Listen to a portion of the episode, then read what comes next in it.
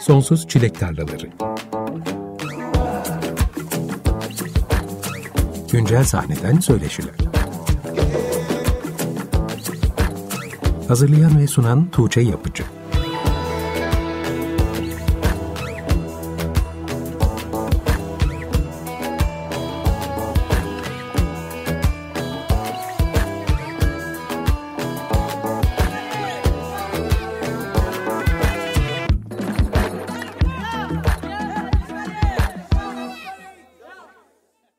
Açık Radyo'da Sonsuz Çilek Tarlaları programından herkese merhaba. Ben Tuğçe Yapıcı. Her pazartesi 20-21 saatler arasında olduğu gibi bu akşam da yerli sahneden taze bir işi konuşacağız. Serin grubundan konuşmamız lazım parçasıyla programı açtık. Bin Parça adlı ilk uzun çalar albümlerini 4 Haziran'da yayınlayan Serin grubunun 3 üyesi bu akşam konuklarım. Cansu Saraç, Meltem Balta ve Melih Balta bizimle birlikte. Hoş geldiniz. Merhabalar, hoş bulduk. Hoş bulduk. Hoş bulduk. Cansu ve Meltem'le 2019'da Açık Radyo'da buluşmuştuk. O zaman yeni bir single'ınız yayınlanmıştı. Bir önceki buluşmamızdan farklı olarak bu akşam Melih Balta da bize katıldı. Bu akşam ise yeni albüm vesilesiyle bir araya geldik. Albümden de uzun uzun konuşacağız ama çok uzun zamandır görüşemediğimiz için öncelikle sizin için son bir buçuk senenin nasıl geçtiğini sorarak başlayayım. Neler yaşadınız görüşmediğimiz dönemlerde? Son bir buçuk sene hele girişi gerçekten bir depresif bir durumu vardı. Yani insan algılamakta sıkıntı çekiyordu. Hani her yerden bir, bir şey kapacakmış gibi o paranoya falan bir süre sürdü ama sonradan ufaktan alışmaya başlayıp boş oturmakla geçmiyor zaman çünkü. O insanı daha da karartıyor. Biz de döndük son bir buçuk sene elimizdekileri toparladık. İşte ev ortamında kayıtlar yaptık. Bu albümü tamamladık aslında. Bizim için bizi yani meşgul eden şey bu albümdü aslında. Bu albümün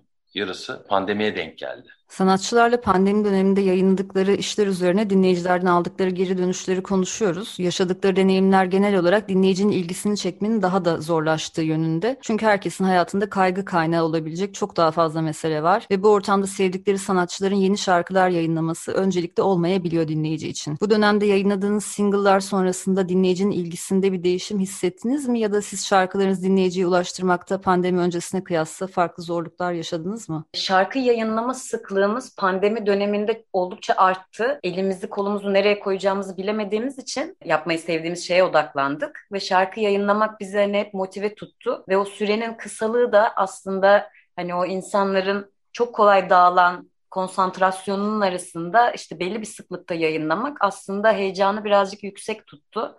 Çünkü hani şu andaki dinleyicilerde hani bunu çok aşırı negatif bir eleştiri olarak söylemiyorum ama hani tüketim ilgili bir durum var. Hani yeni şarkıyı yayınlıyorsun. Mesaj geliyor mesela 3 saat sonra. Bu çok güzel olmuş. Yenisi ne zaman gelecek diye soruyorlar mesela. Hani öyle de bir bir yandan bir coşku da var. Ama yani hani biz negatif bir şekilde yaşamadık bu süreçleri. Kendi ürettiğimiz şeyi paylaştığımızda hani insanlardan hep böyle olumlu ve keyifli tepkiler geldi. Konser olmadığı için bu keyfi birebir böyle yüz yüze göz göze paylaşamadığımız için çokça burukluk vardı. Ama onun dışında şarkı yayınlamak beni yüksek tuttu hep. Tabii tabii pandemide gerçekten böyle bir hayat kurtardı, kafamızı dağıttı o süreç. Bir de yoğun olarak arka arkaya uzun süredir yazdığımız düzenlemeleri bitmiş, yarım kalmış şarkıları oturup toparlamak pandemi sürecinde bayağı hepimize iyi geldi. İki hafta önce Barış Demirel konuğumdu. O da ilk solo albümünü yayınladı sizinle aynı tarihte. Şöyle bir şey söyledi. Şunu biliyorum ki ben bir albüm yayınladım ama bir ay sonra bu albüm eski bir albüm olacak. Eskimiş bir albüm olacak. O yüzden ben şimdiden yeni bir şeylerin hazırlığına başladım ki yetiştirebileyim arkadan diye. Doğru. Şimdi sizin söylediğiniz de çok ilginç aslında. Üç saate mi indi artık bir şarkının tüketilme süresi? Ben de gerçekten çok şaşırmıştım. Biz sosyal medyada da aslında çok böyle interaktif bir iletişim sağlamıyoruz. Sadece işte bu şarkı çıkış dönemlerinde hani insanlara bildirim gidiyor büyük ihtimalle. Ve o esnada işte fark ediyorlar. Aa yeni şarkı gelmiş süper olmuş tamam. Öbürü ne zaman? Gerçekten biraz şaşırtıcı. Aynı anda o kadar çok güzel şarkı da çıkıyor ki sadece biz değiliz bu pandemi sürecinde hani bu süreci çok verimli olarak geçiren bir sürü yakın arkadaşımız da hani yakın çevremizden insanlar da oldu. Çok fazla insana çok fazla güzel işi çıkıyor aslında ama hep daha fazla bir şekilde istiyor insanlar. Belki konserlerde o enerjilerini atamadıkları için hani sürekli böyle bir şeyler hani onun heyecanını o şarkı çıktı işte şimdi hep beraber söylüyoruz yaşayamadıkları için belki bir sonraki anı bekliyorlar yani konsere ne kadar yaklaşacağız o esnada yeni ne şarkı çıkacak falan diye. Belki öyle bir psikoloji. Tabii giderek daha fazla şarkı yayınlanıyor olması da son birkaç senede sanatçılar için dinleyiciye ulaşmayı iyice zorlaştırdı. Serin de hiçbir zaman büyük PR stratejileriyle hareket eden influencerlarla dirsek teması halinde çalışan bir grup olmadığı için sizin dinleyiciye ulaşmanız daha çok hangi kanallar, hangi platformlar üzerinden oluyor merak ediyorum. Su yolunu bulur? Su yolunu bulur kanalı üzerinden oluyor. Aynen. Biz yapıyoruz, bizden çıktı bu meselesinden sonra hiçbir şekilde o süreci profesyonel bir şekilde idare etmedik. Kişisel de bir eleştiri aslında yani. Sonuçta hani müzik yapıyor olmak ya da endüstrinin çok kötü bir şey bu cümle içinde kullanıldığında ama endüstrinin bazı gerektirdiği şeyler var. Bütüncül bir şekilde yaklaşmak gerekiyor. Bu işte sahne sunumundan işte albüm konseptine, işte giydiğin kıyafetten sosyal medyadaki varoluş biçimine ya da işte gündemi ne kadar takip ettiğinden aktivistlik derecene kadar vesaire hani bir sürü şey aslında bir totalin içinde gibi. Bu hiçbirimizin yaşam alışkanlığına uygun olmadığı için aslında biz bunu hani müziğimizi yaptıktan sonra da aslında çok fazla ayak uydurmayı tercih ettiğimiz ya da hani onun peşinden koştuğumuz bir durum olmadı. İşte Spotify kanalımız var ya da diğer dijital mecralarda her yerden Serin ismini bilen, bir listede denk gelen, işte radyoda duyan, bir arkadaşından duyan vesaire insanlar dinliyor büyük ihtimalle. Yani hani büyük büyük onların gözünün önüne işte biz gazetelerde işte serin albüm çıkardı falan şeklinde çıkmıyoruz. Aslında dediğin gibi müzik üreten bir sanatçı için müzik endüstrisi tabirini kullanmak biraz sevimsiz olabiliyor evet. ama bu programda da aslında hep konuşuyoruz. Çünkü müzik endüstrisindeki sektördeki tüm gelişmeler aslında geri dönüp üretimi de etkiliyor. O yüzden bütün üretimi konuşurken sektörle, sektörün dayattıkları ile birlikte konuşmak bence mantıklı Son görüştüğümüzde sık aralıklarla single'lar yayınlamaya başlamıştınız. Sonrasında araya pandemi girdi ama siz yine single'larınızı yayınlamaya devam ettiniz. Belki bu defa sizin için üretim anlamında daha zor şartlarda da olsa sizden yeni şarkılar duymaya devam ettik. Hatta daha da sık oldu dediğiniz gibi. Şimdi ise 2019'dan beri sizden duyduğumuz bu şarkılar bir uzun çalar albümde toplandı. Albümde önceden duyduğumuz şarkılara bir de yepyeni parça eklendi. Bin Parça adlı bu yeni eklenen parça aynı zamanda albüme de ismini veren şarkı oldu. Uzun bir parça, 10 dakikalık. Şimdi Şimdi isterseniz bir 10 dakikalığına sohbetimize ara verelim. Bu parçayı dinleyelim ardından tekrar Serin grubuyla burada olacağız. Açık Radyo'da Sonsuz Çilek Tarlaları programı devam ediyor. Serinden Bin Parça adlı parçayı dinledik. Üçünüzün birlikte yazdığı yaklaşık 10 dakikalık bir şarkı Bin Parça. Bin Parça bugüne kadarki en uzun parçanız. Grupta Melih Balta gibi saygıdeğer bir gitarist olmasına rağmen bugüne kadar hiç böyle uzun bir gitar solosu duymamıştık sizden. Serinin şarkıları hep daha radyo dostu denebilecek 3-4 dakikalık şarkılardı. Bu şarkının bir radyo editi de var sanırım. Evet var. 10 dakika şarkı çalmayı tercih eden bir radyo zannediyorum ki yok. Dolayısıyla hani bu şekilde bir güncelleme yapma gereği duyduk. yani en azından. Yani talebi geldi bizde. Evet. Çok bozmadan parçanın yapısını. Arkası yarın gibi bir şeyde. Yer, yerde bırakıp biraz merak unsurlarını evet, evet. da ortada bırakarak. 10 dakikalık haliyle herhalde başka hiçbir radyoda çalmaz diye düşünerek Zaten bugün Kesinlikle mümkünatı yok. Tercih İlk ve tek büyük ihtimalle şu an. Albümün ismini görünce acaba parçalar halinde yayınlanan bir albüm olduğu için mi bu ismi aldı diye düşündüm ama sonradan aslında bu albümün hayalini kurarken uzun zamandır isminin de bin parça olmasını hayal ettiğinizi okudum. Ne zamana dayanıyor bu hayalin tohumları? Bu parça ne zaman yazılmıştı? 2016 17 falan oralar. Maksimum 17'nin başlarıdır. Yani bu şarkı üretim ve düzenleme sürecinde çok sancılı bir şarkı oldu. Bin parça yazılırken aslında böyle bir aşk şarkısı tabanında başlamış bir şarkıydı. İlk yazılmış sözü işte birkaç çalı çırpı verin de yakayım şu dünyayıydı. O da benim zamanında izlediğim ve çok sevdiğim Tony Gatliff'in Transilvanya diye bir filminden çok güzel bir anda kadın başrolümüzün, başrol kahramanımızın ağzından çıkan böyle muhteşem bir sözdü ve o benim böyle kafama kazınmıştı. O yüzden böyle bir acılı bir aşk hikayesiyle ilgili kafamda kalan çok net bir söz olduğu için ben hep şarkıya bir aşk şarkısı gibi yaklaştım. Bir balat gibi yaklaşmıştım. Sonra şarkının sözleri ilerlediğinde bambaşka bir yere doğru gitti. Hepimizin içindeki dert bir anda farklı farklı yerlerden ortaya çıktı ve anlatmaya çalıştığımız şey bir aşk şarkısından ziyade gerçekten her gün Ders sanmadan evet yani üzüldüğümüz ve üzüldüğünü gördüğümüz herkes için böyle bir hani yüreğimizin sıkışmasını anlatmaya çalıştığımız, çaresizliği, o elimizin kolumuzun bağlı kaldığı her anı anlatmaya çalıştığımız bir şarkıya dönüştü birdenbire. Sonrasında da işte böyle Melih Balta düzenlemeye başladığında şarkının sözlerinin de hissiyatıyla hani bir hikaye anlatmak gibi bir ruh halinde ilerlediğimiz için Tabii, düzenlemeyi sunum de yaptım tabii. Aynen. Evet. Orada bir sunum hazırladım ben. ben bir aşk şarkısı diye başladığım bir balat diye diye. başladığım bu şarkıyı birdenbire böyle hepimizin içinde kanayan yaraların oluşturduğu ve işte Sözler eklenince. sözler eklenince vesaire birden böyle değişik gruvlu bir şarkı haline döndü. İlk başlarda çok alışamamıştım açıkçası. Çok böyle sert gelmişti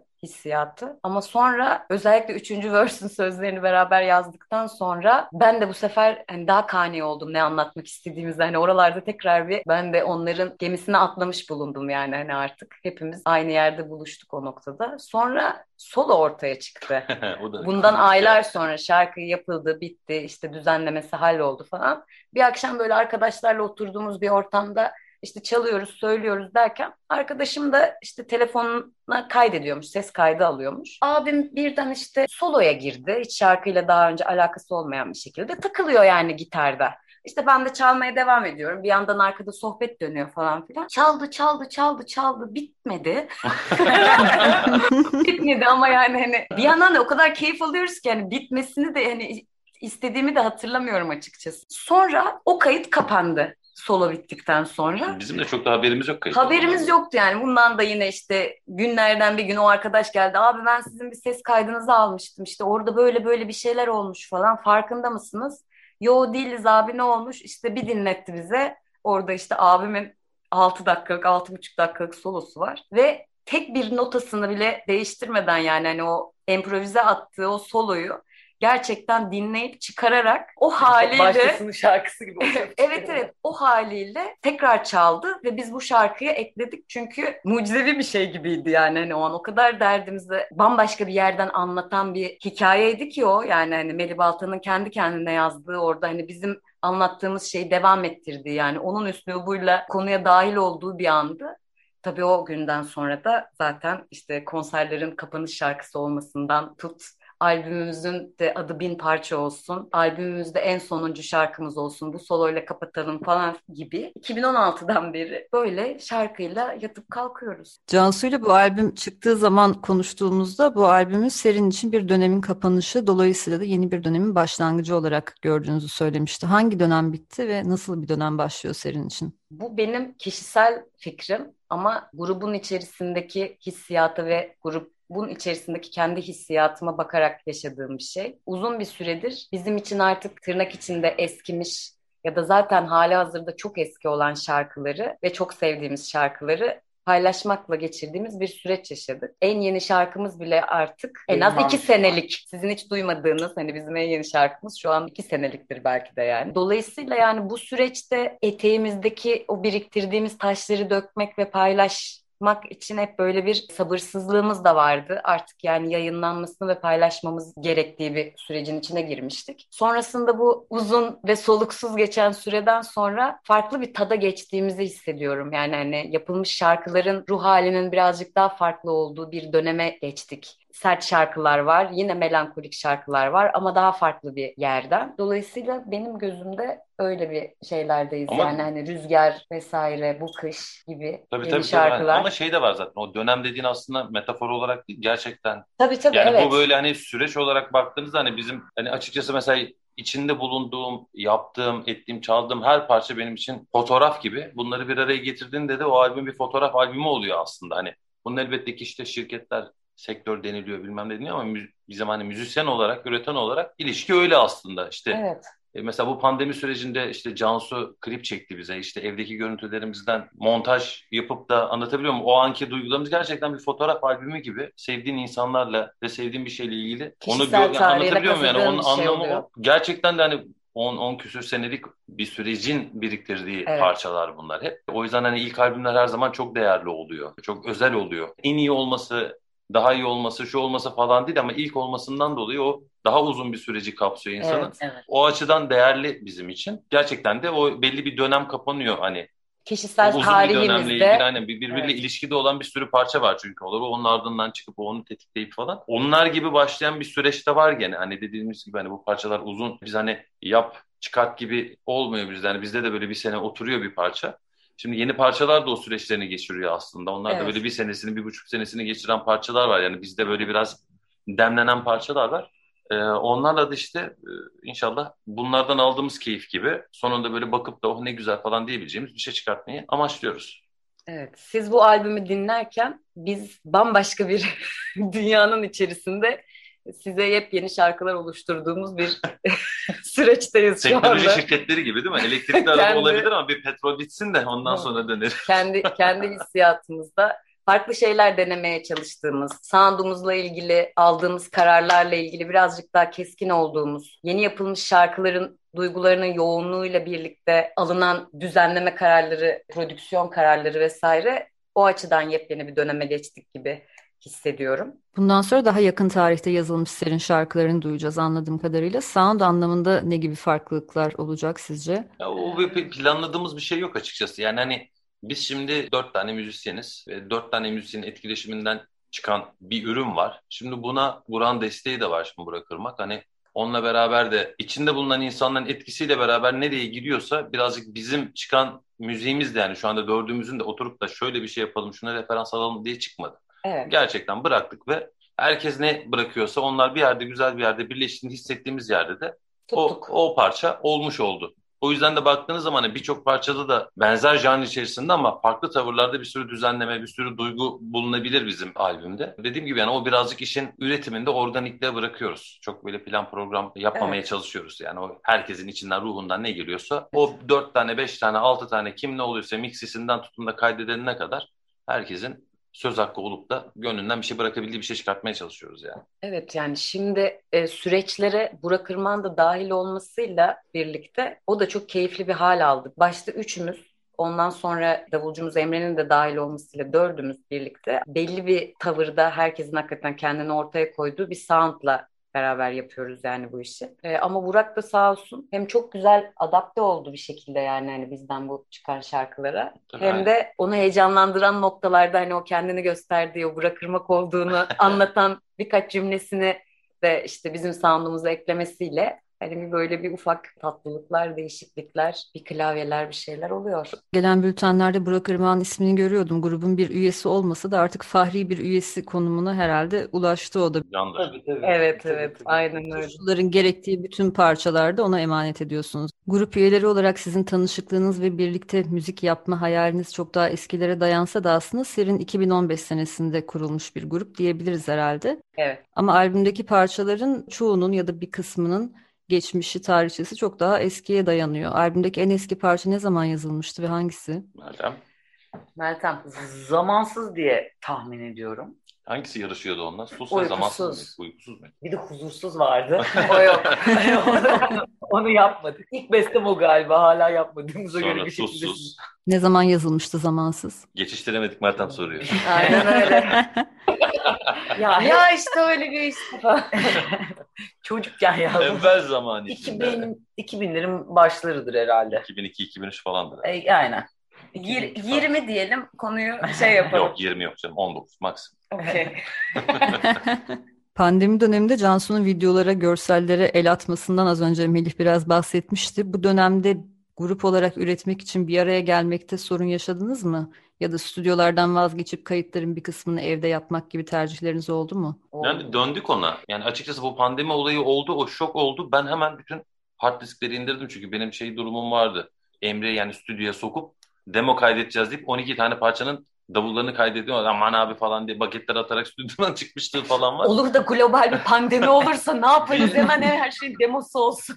Karınca karınca Ağustos böceği hikayesindeki karınca gibi çok şey biriktirmiştik yani hani. O pandemi zamanı döndük işte hani birazcık böyle ekipmanlarımızı yeniledik ettik işte mikrofondur, ses kartıdır, şudur budur falan diye. Birazcık mobil mesela aman aman tamamen ev ortamında kaydedilmiş bir parça. Keza şey Zombi de. Zombi işte Burak evinden kaydetti gönderdi. İşte şöyle yapalım böyle yapalım diye anlatayım. Bir araya gelmeden yaptık. Yani o dönemin koşulları içerisinde yapıp o dönemin ruhunu da böyle birazcık bizim ruh şeyimizi, duygumuzu, halimizi, ruh evet. halimizi yansıtacağımız şeyler haline falan getirdik. Sanat yapıyorsak hani işte savaşın içerisindeysen, barışın içerisindeysen anlatabiliyor muyum? Mutluysan, üzüntülüysen o senin sürecin de aynı zamanda o şartlarla beraber yaptığın şeyi etkiliyor, onun ruhuna dokunuyor. Onun, onların olması yani tabii bu süreci yaşamak kötü ama o dönemde böyle şeyler yapmak birazcık da olsa insana şey veriyor. e, Yaşam yarına enerjisi. bakmaya enerji veriyor yani. Hani onu onu yaşadık onlarda. Yani işte teknolojidir, şudur budur onlar da bize faydası oldu. Yani bu dönemde döndük. Yani biz vokallerimizi artık kendimiz kaydediyoruz. Evet. Mesela yani. Hani onun için bir stüdyo aramıyoruz. Bir davul kay- kayıtları ile ilgili her zaman stüdyoyu kullanıyoruz gibi bir duruma Evet. döndük. Bundan randıman da alıyoruz ama hepsinin ruhu başka yani ona Evet. Hani ona kapıyı kapattık abi böyle ne kadar rahatmış gibi bir durum yok. O stüdyonun etkileşimi de başka çünkü. O da her zaman cebimizde ama şu anda şartlar birazcık o tarafa götürdü bizi. Evet, ısrarcı davranmıyoruz bir şekilde. Yani ama hani keyif keyif de alarak yap- yaptığımız bir Kesinlikle. durum yani. Onun da kendine özgü şey getiriyor, bir özgürlük getiriyor. hedef paylaşmak ve üretmek olduğu zaman her zaman her koşula ayak uydurmaya çalışıyorsun yani hani orada Tabii bahane yok aynen. işte hani stüdyoya gidemiyoruz şu an koşullar çok kötü aman bu gitar kaydını işte nasıl alacağız işte ya şöyle olursa böyle olmazsa falan gibi bir kaygı içine düşmedik açıkçası. Tabii canım. Kendi beğenebileceğimiz sınırlar içerisinde hangi e, ortam koşulunu oluşturmamız gerekiyorsa o şeyi optimum seviyede sağlayıp kaldığımız yerden devam ettik biz yani hani okey hani kıyamet kopuyor depresyonlar yaşanıyor işte mutsuzluk anlayamıyorsun hiçbir şey korkuyorsun işe gidemiyorsun tutunamıyorsun ailenle görüşemiyorsun sevdiklerinle görüşemiyorsun yapabileceğin tek bir şey var biz de onu yaptık Tabii hem üreten için hem tüketen için yani en güzel yani en Evet. ihtiyaç olan şeylerden bir tanesi bu aslında. Böyle zamanlarda çünkü hani şimdi bizim bir şey olduğu zaman ilk kesilen eğlence sektörü hani tırnak içerisinde. evet E, o eğlence sektörü eğlence sektörü değil aslında yani hani şarkı demek sadece gülmek, eğlenmek, dans etmek değil, ağlamak demek, düşünmek demek, eleştirmek demek falan.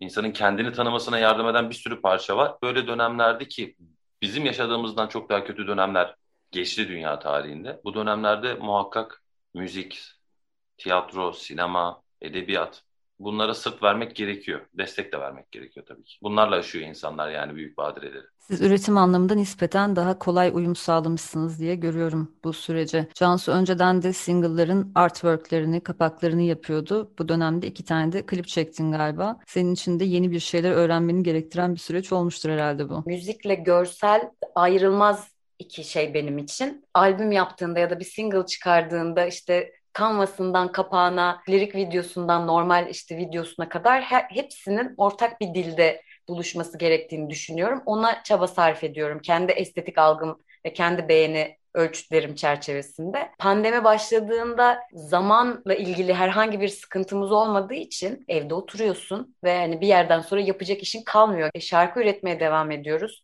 Bunu nasıl paylaşacağız? E, sosyal medyada iletişim içinde değiliz. Hani kullanmıyoruz, alışık değiliz. Hoşumuza gitmiyor. E, Ben de dedim ki yani bu sefer bir videomuzu da ben yapayım. Hani şöyle gönlüme göre işte içime sinsin bir video programı, video edit programı indirdim. Ondan sonra ilk defa Bir çocuk. e, bir çocuk sevdiğimin lirik videosunu hazırladım ben. Sonra baktım çok aşırı keyifli bir şeymiş. Ne demek klip çekmek? İşte prodüksiyon demek. Prodüksiyon şu anda elimizde yok. Şu an elimizde ne var? Biz varız ve ev var. Kameramız var, enstrümanlarımız var, e, şarkı var.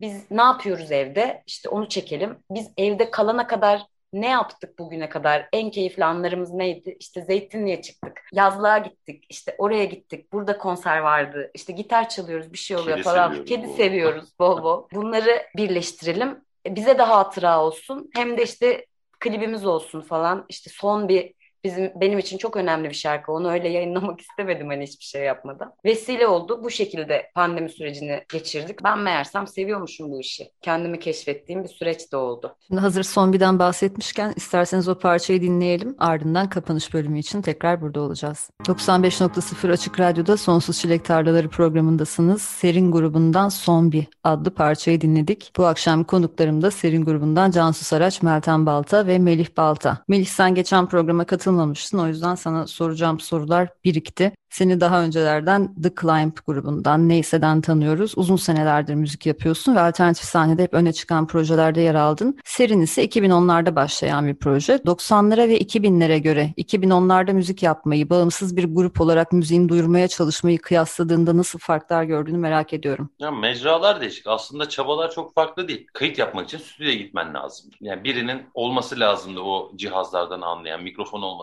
lazımdı, amfi olması lazımdı. Yani o süreçler değişiyor ama bu şey gibi yani hani piramitleri nasıl yapmışlar abi? Hani şimdi vinç var o zaman da insan vardı gibi. Yani ona göre emeğin, sürecin falan değişiyor. Ona ayak uyduruyorsun. Ben üretim kısmını çok farklı görmüyorum. Tüketim kısmında tabii ki yani müzik mağazaları gitti. Playlistler, işte şeyler, sosyal medyalar, işte anladın? Gazeteler gitti, röportajlar gitti biraz. Bu tarz böyle internet üzerinden paylaşılan daha indi şeylerde yani o, o kısımları değişti aslında müzik yapma kısmında çok büyük bir değişiklik. Gene ne hissediyorsan onu koymaya çalışıyorsun. Ya da benim motivasyonum her zaman o oldu. Mesela The Climb'ı baz alırsak, The Climb'ın müziğini dinleyiciler nereden keşfediyorlardı daha çok o zamanlarda? Yani elinizdeki medya neyse orada arıyorsunuz aslında. O zamanlar fanzinler vardı, dergiler vardı, işte e, Roll vardı, Blue Jim vardı anlatabiliyor muyum? İşte Non Serviam gibi alternatif dergiler vardı. Yani biz de çok alırdık yani yerli yabancı dergi oralardan bulurduk. Şeyler dolaşılırdı. CD'lere bakardık, kasetlere bakardık, plaklara bakardık anlatabiliyor muyum? Orada kapağını görürdün. Yani o şekilde ulaşıyordu. Birazcık böyle tırmalayarak ve gazetelerden, dergilerden. O zaman bir de tabii şey vardı. Müzik televizyonu vardı gene hani. Kliplerle işte bunlarla falan duyuruyordunuz aslında. Ondan sonra tabii kulaktan kulağa çalıyorsunuz. Oradaki seyirci sizi dinliyor. Kulaktan kulağa dolanıyordu biraz da. Bizim gibi alternatif müzik yapan insanlar için tabii. Yoksa gene işte televoleler şunlar bunlar anlatabiliyor muyum? Hani o tarz böyle hype yapacak bir sürü şey vardı. Şimdiki fenomenlerin yerini alacak, influencerların yerini alacak bir sürü şeyler vardı ama şey değişti. Mecralar değişti açıkçası. Tüketim biraz hızlandı dediğimiz bir eskiden albüm dinlenirdi. Şimdi insanlar tek parça dinliyor. Parçayı da bırakın nakarat bir söz bir nakarat dinliyorlar falan yani. Hani Instagram'daki bir dakikalık paylaşım bile yetebiliyor müzik dinlemek için kimisine.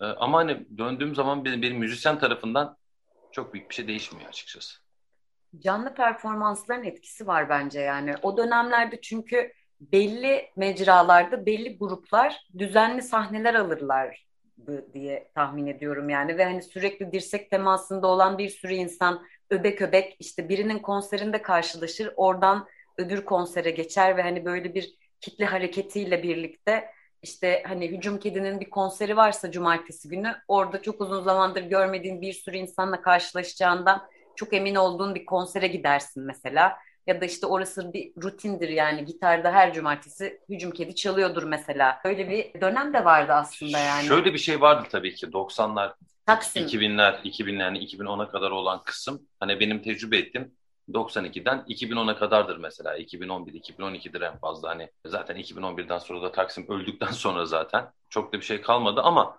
şey vardı o zamanlar tabii ki hani müzikle ilgili performans dinlemek derdi çok fazla vardı insanlarda ve gerek mekana gerek işte o mekanda çalan gruba atıyorum sizin gününüz atıyorum çarşamba günü çalıyorsunuzdur.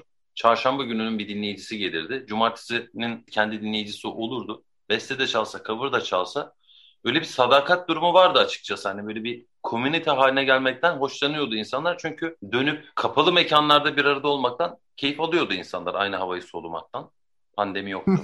Şimdi hani açık alanlar eğlence sektöründe şunda bunda falan önemli hale geldi işte restoranlar, kafeler, barlar falan hep açık alanlar çok değerli hale geldi.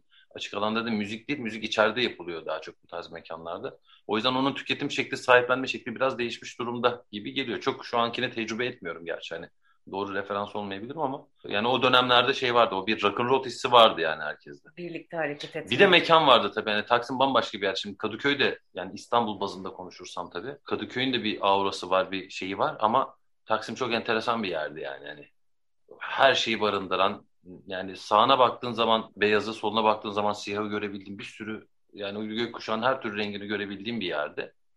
Ama malum hale geldi. Şimdi saç ektirmeye gidiyor insanlar. Böyle bir durum var yani. O şeyin de yani o şehrin enerjisi de vardı yani o dönemde. Ben mesela yanlış hatırlamıyorsam eğer Climb'ın bir albüm haberini ya da incelemesini Blue Jean'de görüp sonra gidip Akmar'dan kasetini bulmuştum. Tabii, tabii, ya da dediğim gibi insanlar konserlere gidip keşfediyorlar ya da sevdikleri bir mekana gidip o mekanın önerdiği şeylere güvenerek, programına aldığı isimlere güvenerek oradan keşfediyorlar.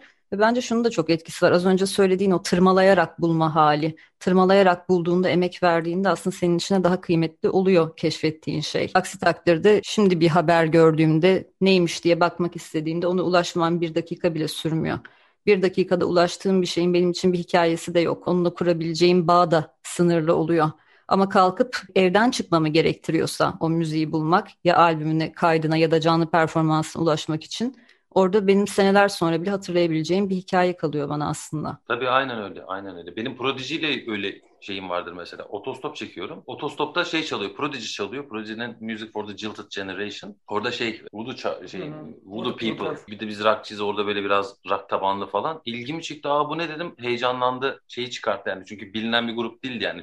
95'lerden 96'lardan bahsediyorum. Burada çok fazla bilinen bir grup değildi. Açtı, kalbim şey yaptı. Tamam ben Kadıköy'e ineyim dedim.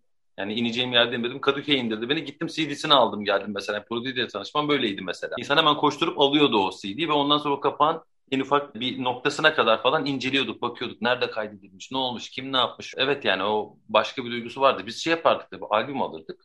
Albümde kendi hitimizi bulurduk. İşte single'ı çıkan, klibi çıkan parçayı da kendi hitimizi bulup o parçayı tüketip ikincisine, üçüncüsüne geçerdik falan. O şekilde tüketirdik. Onun da keyfi başka ama ne olursa olsun insanlar tüketsin tabii ki. Yani hızlı tüketsin, yavaş tüketsin ama hani müzikten, sanattan falan vazgeçmesinler yeter ki. Ben çok da sorgulamıyorum açıkçası. Ay çok çabuk tüketiliyor falan değil. Olsun çok çabuk tüketsin. Bu sefer de çok üretilsin o zaman şu anda olduğu gibi.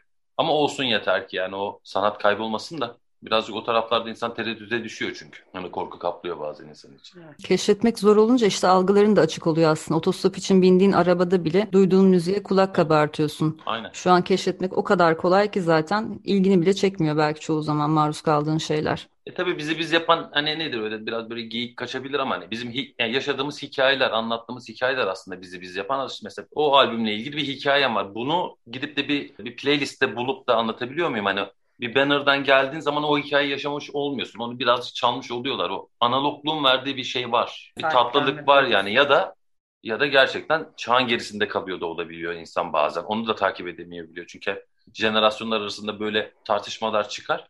Hep herkes kendine haklı göre ay oydu falan, ay buydu falan deriz ama belki de oradayız. Dijital platformlarda sıklıkla dinleyicilerin sizi Vega gibi, Sakin gibi bazı gruplara benzettiklerini, dile getirdiklerini görüyorum. Ben müzikal anlamda o kadar yoğun bir benzerlik bulamıyorum açıkçası. En azından benim aklıma gelmez böyle bir benzetme yapmak. Ama neden benzettikleri üzerine düşününce şunu fark ettim. Birebir benzerlikten ziyade sizin de 2000'lerin 90'ların pop rock'ına yakın soundlarda işler üretmeniz bu benzetmeleri doğuruyor olabilir bence. Yerli sahnede 2010'larda akustik veya alternatif indie soundlarında yola çıkan grupların çoğunun üretimlerinin son senelerde synth ağırlıklı müziklere doğru evrildiğini gözlemledik. Sizin dört kişilik bir rock band formatında pop rock üretmeye devam etmekteki kararlılığınız dikkat çekiyor. Benzeriniz de çok olmadığı için sizi bir yere konumlandırmaya çalıştıklarında dinleyiciler biraz daha geriye gitmek durumunda kalıyorlar ve 2000'lere uzanıyorlar diye tahmin ediyorum. Doğru yorumlamış mıyım bu gülmeden? Kesinlikle doğru yorumlamış. Çünkü çok fazla Kesinlikle. içeriğe maruz kaldığında insan doğası kategorize ederek ve benzetme yaparak kestirme yoldan anlamlandırmayı seçiyor. Siz nasıl yorumluyorsunuz dinleyicilerin sizin müziğinizi anlamlandırmak için eskiden tanıdıkları gruplara benzetme eğilimini? Nostaljik bir hissiyata sürüklenmeleri benim için her zaman keyifli bir his. Kastettikleri grupları zamanında benim de dinlemişliğim var çok severek. Özellikle Sakin'i çok severim yani hani bir albümlük ama hani muhteşem bir içerik. Yani ne mutlu benzettilerse. Vega için de hani aynı şeyi söylüyorlar. Bir şekilde Vega'yı da çok severim. Dinlemişliğim de vardır yani hani hep. Güzel bir şey bence bu. Çünkü hani biz hissiyat Haklı da bir şey Hak- aslında. haklı da bir şey gerçekten. Yani hani belki de işte zamanın ruhuna belli bir oranda uymuyormuş gibi de görünüyor olabiliriz. İşte hani şu anda yapılan daha çok tercih edilen diyeyim. Tercih edilen bir biçimde sound'umuz yok şu anda yani hani daha böyle klasik bir rock band, gitar, davul, vokal ve bas gitar tabanlı bir şeyler yapıyoruz ve hani şu andaki özellikle yeni jenerasyonun çok da alışık olmadığı bir tırnak içinde söylüyorum çiğlikte bir sound olabilir bu. Ama bu her zaman bizim çok sevdiğimiz bu yalınlık ve anlatmak istediğimiz derdimizi hani bu kadar basitçe anlatmaya çalışmak her zaman tercih ettiğimiz bir şey oldu. Seçmedik biz bunu yani bizde böyle hasıl oluyor yani hani içimizden bu şekilde geliyor. Bütün grup üyeleri bir araya geldiğinde ortaya çıkan sound bu hani seçilerek yapılmış bir şey değil. Dolayısıyla yani hani böyle nostaljik duygular yaşatan bir grup olmamız da benim hoşuma gidiyor açıkçası yani. Böyle olması sebebi biraz da böyle hani müzikal olarak gördüğümüzde yakın pencereden bakıyoruz açıkçası ya. O güzel bir grupta çünkü hani ne olursa olsun bir şey yapıyorsunuz. Yani bir yaptığınız şeyin bir tane yani doğru diye bir şey yok zaten. Müzik gibi hani sanat Evet. falan. Yani Çok yanlış dediğiniz bir şey bir anda dünyanın en doğru şeyi haline gelebiliyor böyle gruplar. Yani kırılmalar yapabiliyor şeylerde Tabii ki. falan. Ama hani biz böyle dördümüzde benzer pencerelerden bakabilmek yani birbirimizi böyle kolay ikna ediyor olmamız o güzel yani o, o enerjiyle beraber çıkıyor zaten bu tarz. Yani bu oturup da hadi biz şöyle, şöyle bir müzik yapalım böyle müzik yapalım diye girmedik açıkçası yani. Biz stüdyoya girdik. Bunları tıngır tıngır çalarken ne çıktıysa o tarafa doğru gitti. Evet. Açıkçası çok plan programda çıkan bir şey değil. Ya hepimiz Deftones sevdik mesela. Hepimiz işte grunge dinledik. Hepimiz Arctic Monkeys sevdik. Strokes sevdik. Chris Cornell sevdik. Tabii yerli yabancı Vesaire. rock dönemiyle beslenen insanlarız. Yani onun agresifliği var hep hep bizde. Evet yani. Evet yani hani bu bu ruh halini sürekli her an hayatımızda yaşadığımız için ürettiğimiz şeyin de bunlardan besleniyor olması o dönemin janrasına eğer dahil oluyorsa okey. E tabii ama Tabii ki.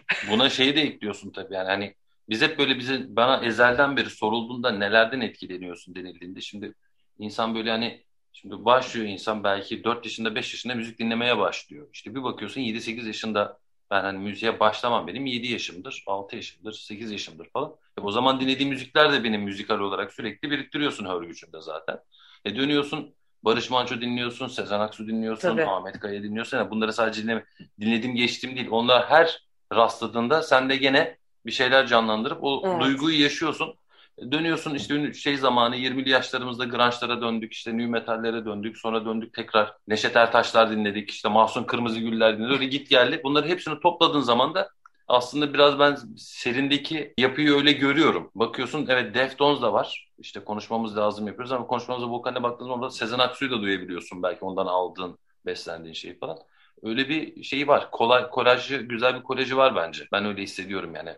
Parçaları yapan insan değil de yani ikinci eliz biz çünkü aslında parçaların sahipleri Cansu ile Meltem. Biz de sonra ucundan tutuyoruz aslında. Ben de birazcık yani dinleyici olarak dinliyorum parçaları anlatabiliyor muyum? Yani o yorumu yapabiliyor gibi görüyorum açıkçası. Ama yani sonuçta biz de senin yaptığın müziği dinleyerek büyümüş insanlar olarak da o da etkiliyor tabii E- bizi e- yani. El öpenleri çok olsun evladım. Yani güncel sahnede saf bir rock band sound'unda bu formatta kararlılık gösterebilen çok fazla grup yok aslında. Sayılı grup kaldığını görüyorum. Solo artist olarak da aynı şekilde. Ben de mesela playlist çaldığım programlarda genelde iki parçalık böyle çiftler halinde araya anons girecek şekilde birbirine daha yakın işleri seçmeye çalışıyorum ve sizin bir şarkınızı çalmak istediğimde playlisti oturtamıyorum. Çünkü yakın zamanda çıkmış benzer hiçbir iş olmuyor. Bu anlamda biraz belki yalnız kalmış da olabilirsiniz. Bu parıltılı hayat gerçekten biz seçmedik. Ya belki yeniden severler. Öyle de bir şey var yani hani şu anda çok hızlı tüketilen bir seri içerisindeyiz. Belki işte insanlar distortion duymaya alışık değiller. Çok uzun süredir duymadılar. İşte bir hayat, bir crash sesi ya da işte orada bağıran bir kadın. Birazcık daha şu aralar daha böyle mellow, daha sakin, işte yumuşak sesli, daha böyle synth soundlarıyla böyle belki de dinlemek için de değil de hani modunu yaratmak için üretilen bazı şarkılar var. Hani son dönemde yoğunlukla böyle hissediyorum. Bu da bir alışkanlık meselesi. Bundan 20 sene öncesine gidip oradaki seriye bakmadan şu anda bu devirde yaşayan bir gencin önünde zaten üretilmiş binlerce, milyonlarca bu şekilde içerik var ve yani hani öyle bir kalabalığın içinden tutup da 20 sene öncesine dönmesi, 25 sene öncesine dönmesi belki zordur. Ama yani hani biz bir şekilde bu ısrara devam edersek belki yanımıza bazı işte insanlar katılmak ister, gelirler işte bir elektro gitarlarıyla Distortion'a bir, bir distortion'a basılır, bir işte davullar kaydedilir, yüksek yüksek işte davul vokali bastırır, zil sesleri falan filan işte orada birazcık işte garip bir mix vardır falan filan. Vokali o kadar iyi duyamazsın aslında falan gibi yerlere belki tekrar gelinebilir yani hani biz zamanında keyif aldık böyle şeylerden. Herkes, İnsanlara sunarsan belki hani o diğer işlerin arasında bu da ilgilerini çekebilir yani hani 20 sene önce yapıldı diye bugün de güzel olmayacak diye bir şey yok. herkes, herkes biraz içine kapanıyor gibi geliyor bana. Müzik de öyle. Ne, ne bileyim hani biz ne yapardık? Açarsın, sesini açarsın. Şimdi kulağında sesini açıyorsun ama kulağında kendi içine doğru yaşıyorsun her şeyi. Evet. Biraz rock müzikte böyle dışarıya doğru bağırma içgüdüsü var açıkçası. Yani büyük konserlerde, festivallerde mesela hala ben çok eminim yani en keyif alınan gruplar mesela işte Tabii. Bir Mor ve Ötesi konseri dinlemek, bir festivalin işte headliner'ı olarak işte Mor ve Ötesi'ni dinlemek, dinlemek. Duman dinlemek hala oradaki kalabalığa aşırı büyük bir keyif veriyor. Ben bunu görüyorum. Sahaya çıktığın zaman o rock müziğin verdiği duygu, oradaki o coşku gerçekten daha farklı oluyor. Yani yorumuna gerçekten şu an katıldım ilk defa duymuş olmama rağmen. Müthiş bir e, çıkarım gibi geldi bana. Gerçekten içimize kapandığımız bir dönemdeyiz. Biz birazcık daha dışa vuruyoruz. Çeşitli distors- distorsiyonlarla. Desibel. Her eve distortion girecek. O zaman son olarak şöyle söyleyeyim. Siz bağırmaya devam edin. Ben size hiçbir playliste oturtamasam bile size bir saatlik programlar ayırıp müzik üretmeye devam ettikçe sizi konuk edip çalmaya devam edeceğim ve sizin anlattıklarınızı dinlemek de benim için bu akşam çok keyifliydi. Sizinle tekrar buluşmak da öyle. Bu akşam Melih de bize katılmış oldu. Çok teşekkürler arkadaşlar. Çok teşekkür ederiz. Biz çok teşekkür Sen de. ediyoruz. Şu anda Açık Radyo'da e, 10 dakikalık versiyonuyla yani esas haliyle bin parçayı dinletmiş olmak bile bizim için çok büyük bir keyif. Teşekkür ederiz bize bu fırsatı sağladığın için. Bu haftalık da Sonsuz Çilek Tarlalarının sonuna geldik. Bu akşam konuklarım Serin grubundan Cansu Saraç, Meltem Balta ve Melih Balta'ydı. 4 Haziran'da Bin Parça adlı ilk uzun çalar albümlerini yayınladılar. Son olarak Serin'den Uykusuz dinleyeceğiz. Gelecek pazartesi saat 20'de görüşünceye kadar hoşça kalın. Bizden sonra Vertigo'yu dinlemeyi ihmal etmeyin.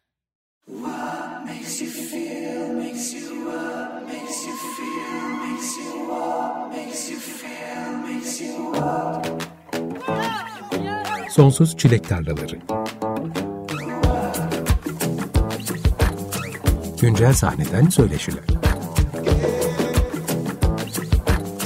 Hazırlayan ve sunan Tuğçe Yapıcı